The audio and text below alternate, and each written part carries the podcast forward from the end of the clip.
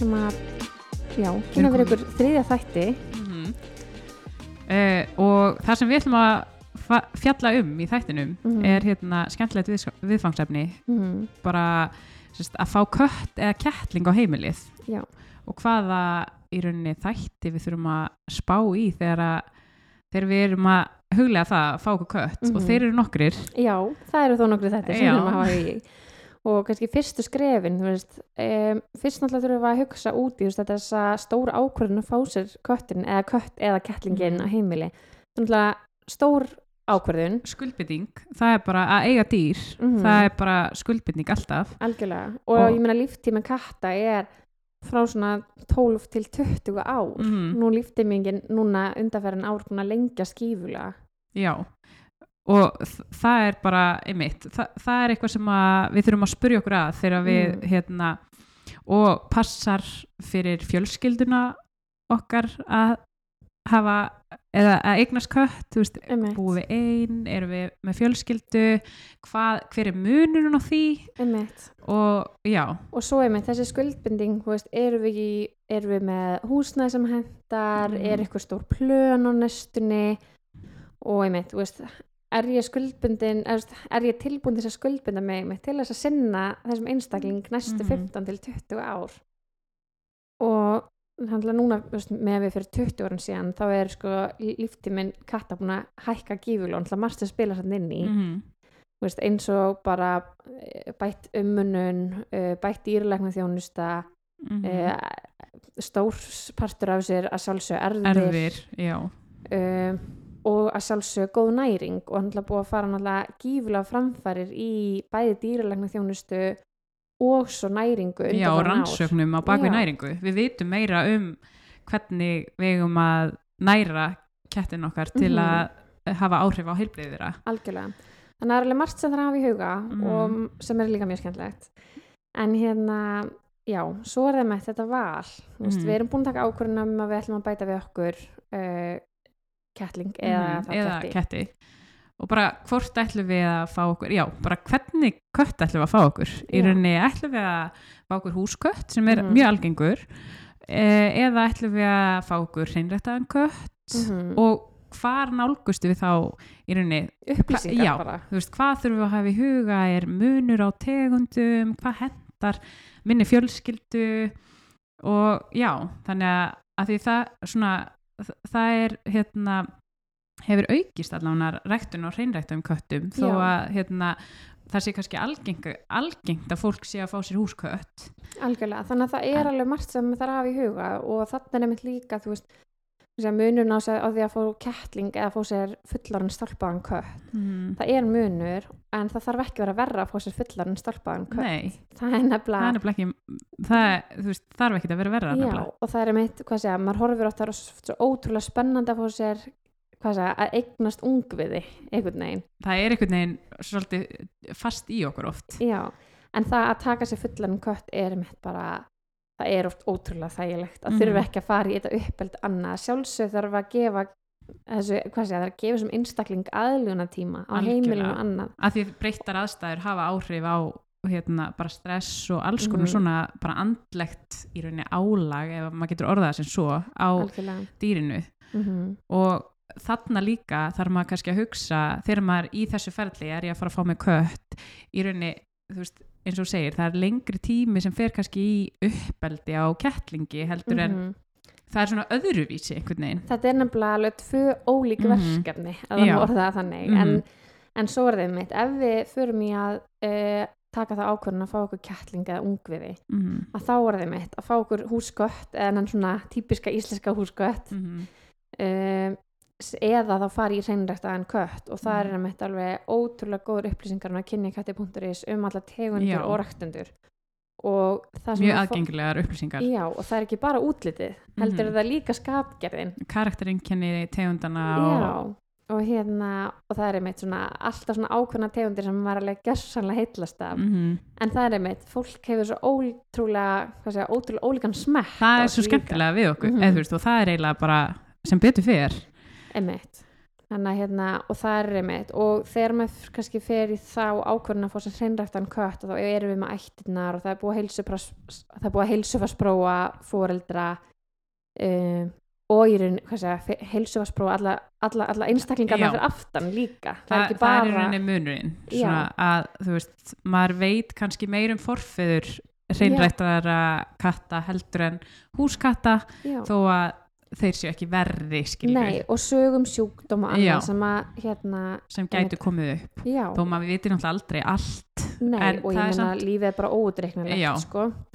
en hérna, það er allavega svona stór ákvörðun um, hvað segja, í hvaða skref maður ætlar Mhm. og hérna og einmitt, það eru mjög góður upplýsingar um bæða ræktendur og tegundir inni á kynjakætti.is mm mæli með að skoða og en svona meðan við erum að tala um þetta að hvort maður fær sér húskött eða hérna eða hreinrættaðan er einhver munur á uh, að í raunni ferlinu sem hefst eftir eða er Nei, nefnilega ekki. Um, það sem er í rauninni er það og ég veit að ræktendur hreinræktara kattar er mjög meðvitaður um afhendingatíman það mm Þú veist, hvena má kettlingurinn farað heiman? Og ég veit að búið að vera stórt átak svolítið hjá í rauninni ræktendum þarna sem er kannski ekki alveg jafn mikið eftirlit með eða ekki alveg jafn stíft ef við fáum okkur ennan venjulega húskött -hmm. um, og hvenar er ídeal tími þetta Mhm. er alveg punktur sem að ég er mitt að því að þó að ég hafi umgengisketti frá ég var lítil að Mhm. þá, er, ég, þá hérna, hef ég aldrei átt ketti þannig að maður er alltaf að læra eitthvað nýtt algjörlega og þannig er með þetta veist að hérna að hvað segja fyrir einhverjum árum þá var bara eðlilegt að við varum að taka sex vegna kettlinga heiman en í Mhm. dag að þá er það orðið ólöglegt mm -hmm. þetta er bara bannað einmitt og hérna og í rauninni ráðlegu tíminn núna er svona, hvað segja, ekki fyrir nýju vikna en í kringum tólf vikna er yfir bara fullkomin svona tími já. þryggja þeir mánuða þurfa alveg þennan tíma einmitt með bara, móður og já, sískinum að í læra bara- bara, já, læra bara Að lífið og félagsmótunin og, Mhm. og bara svona öll þessi svona veist og þetta er náttúrulega sérstaklega mikilvægt líka þegar að við erum með einmitt uh, í rauninni þessar aðstæður þar sem að kettlingurinn fara að alast upp á heimili. Mhm. og þegar við erum að fá okkur heimiliskettling þá skiptir það bara máli. Já.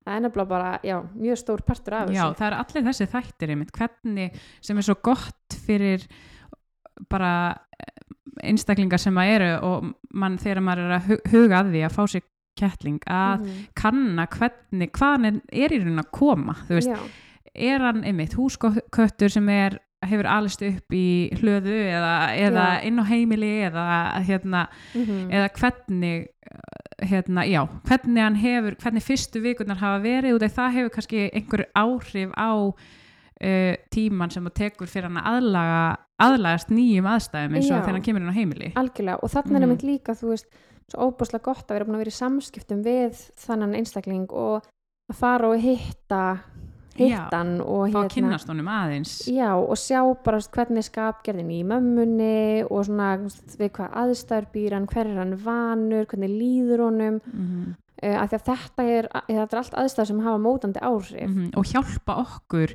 sem nýjum eigandum til þess að bara gera umhverfið hans svona bara já, ö- öruggara og Mhm. þannig að hún líði betur þegar að fyrstu dagana eftir að hérna, í breyttum aðstæðum að því að, að því það, þetta er mjög mikið stökk að flytja á nýtt heimili frá mömmu sinni og sískinum þetta er nefnilega bara mjög stórt stök og hvað, hvað eru það sem við þurfum kannski að hafa í huga uh, í því, því næsta skrefið við erum, núna er kettlingurinn að koma til okkar mm -hmm. og svona hvað er, já, veist, hvað þættir eru það þá fyrstu dagana sem skipta höfu máli? Og það er einmitt bara þetta svolítið að halda ró.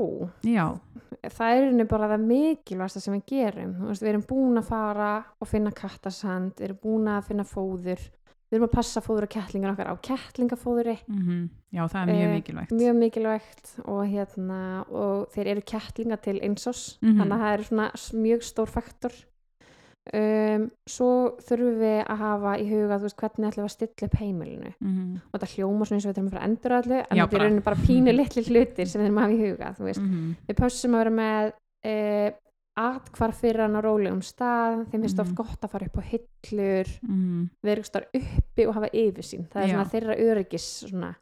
Um, þegar kettlingarnir koma þá eru þeir mjög oft smekir og þeim finnst líka oft gott að fara undir eitthvað. Þannig að Mhm. þetta getur verið gott að útbúngstar svona örugt atkvarf fyrir kettlingin frá öllu öðru þar sem hann getur svona í rauninni mónitorað og fylgst með öllu. Það sem er svona eiginlega hans yfiráðsvæði, er það Já. ekki rétt um mér að Jú, þeir svona, emitt, þeir mynda sér svo kvöldu yfiráðsvæði Já.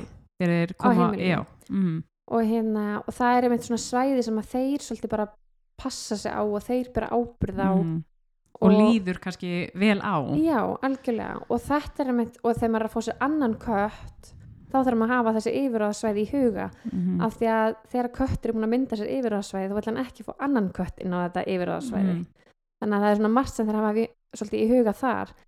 En svo er einmitt bara, þú veist, hvar stillum við matadöllum og vastöllum upp. Þú veist, flestir kettir vilja ekki hafa þetta saman. Mm, sem er alveg mitt, veist, þetta er alltaf búið að rækta þetta í mörg þúsund, hvað sé, við erum búin að vera með kett í mörg þúsund ár. Einmitt, og þarna kemur veist, þetta með hvaðan þeir koma Mhm. veist, aðlið og, Já, og þetta, að- þetta er bara innbyggt í það og þetta er alltaf bara eigðumerku dýr akkurat.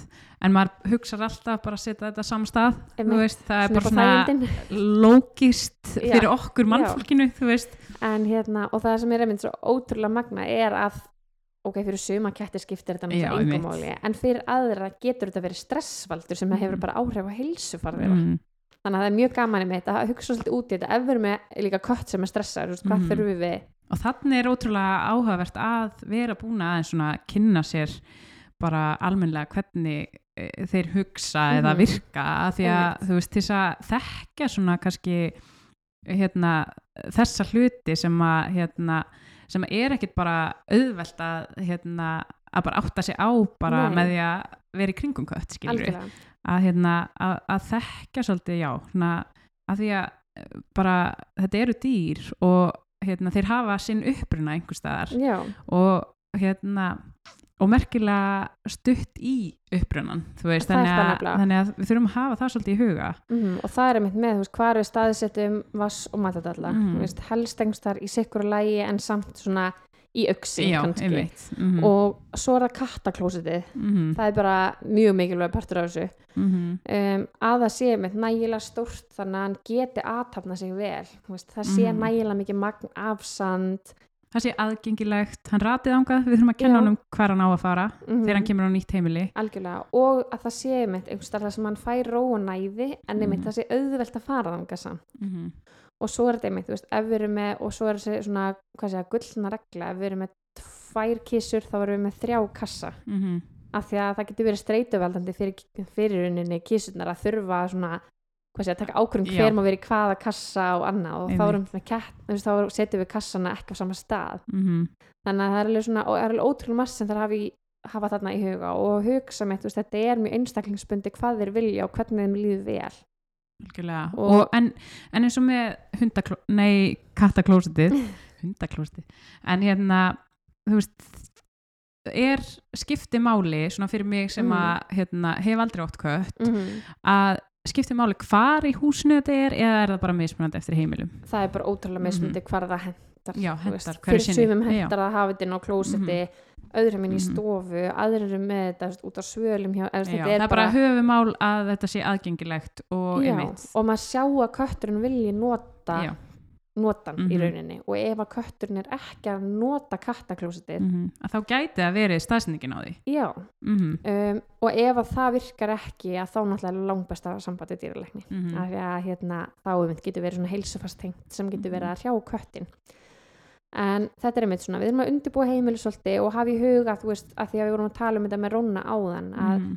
að það fyrir einmitt svolítið eftir, er við stór fjölskylda, eru börn á heimilinu er þetta einstaklingur, er þetta par ef það er stór fjölskylda það sem eru börn, þá Mhm. þurfum við að passa rosalega vel með að börnin, að kenna börnunum að fyrstu dagana sérstaklega mm en auðvitað bara að kenna börnunum að umgangast dýrin -hmm. en það þarf að vera mjög mikið ró fyrstu dagana og að börnin láti í rauninni köttin vera þetta er nefnilega að þau láti Mhm. mynd köttin alveg vera þannig að kötturinn geti mynd gerst allt svolítið á sínum forsöndum því Mhm. þá fyrst gengur allt Mhm. vel og þetta getur verið ótrúlega erfitt út af því að veist, Það langar öllum að knúsa sér krútt og við, maður veit alveg sem fullorinn manneska líka þegar maður sér ungviði að maður bara vill taka hann í fangið og bara knúsa hann en við þurfum svona að hafa í huga að einmitt, bæði kettlingurinn þarf að fá tíma til að aðlagast og svo þarf einmitt að undibúa fjölskyldumælmi og sérstaklega Algjörlega. litla fjölskyldumælmi sem að kannski hafa ekki alveg bara stjórn á sér í svona aðstæðum Mhm. skiluru Og og, þarna sem er- bara ótrúlega eðlilegt Já, og einmitt líka þú veist, þarna erum við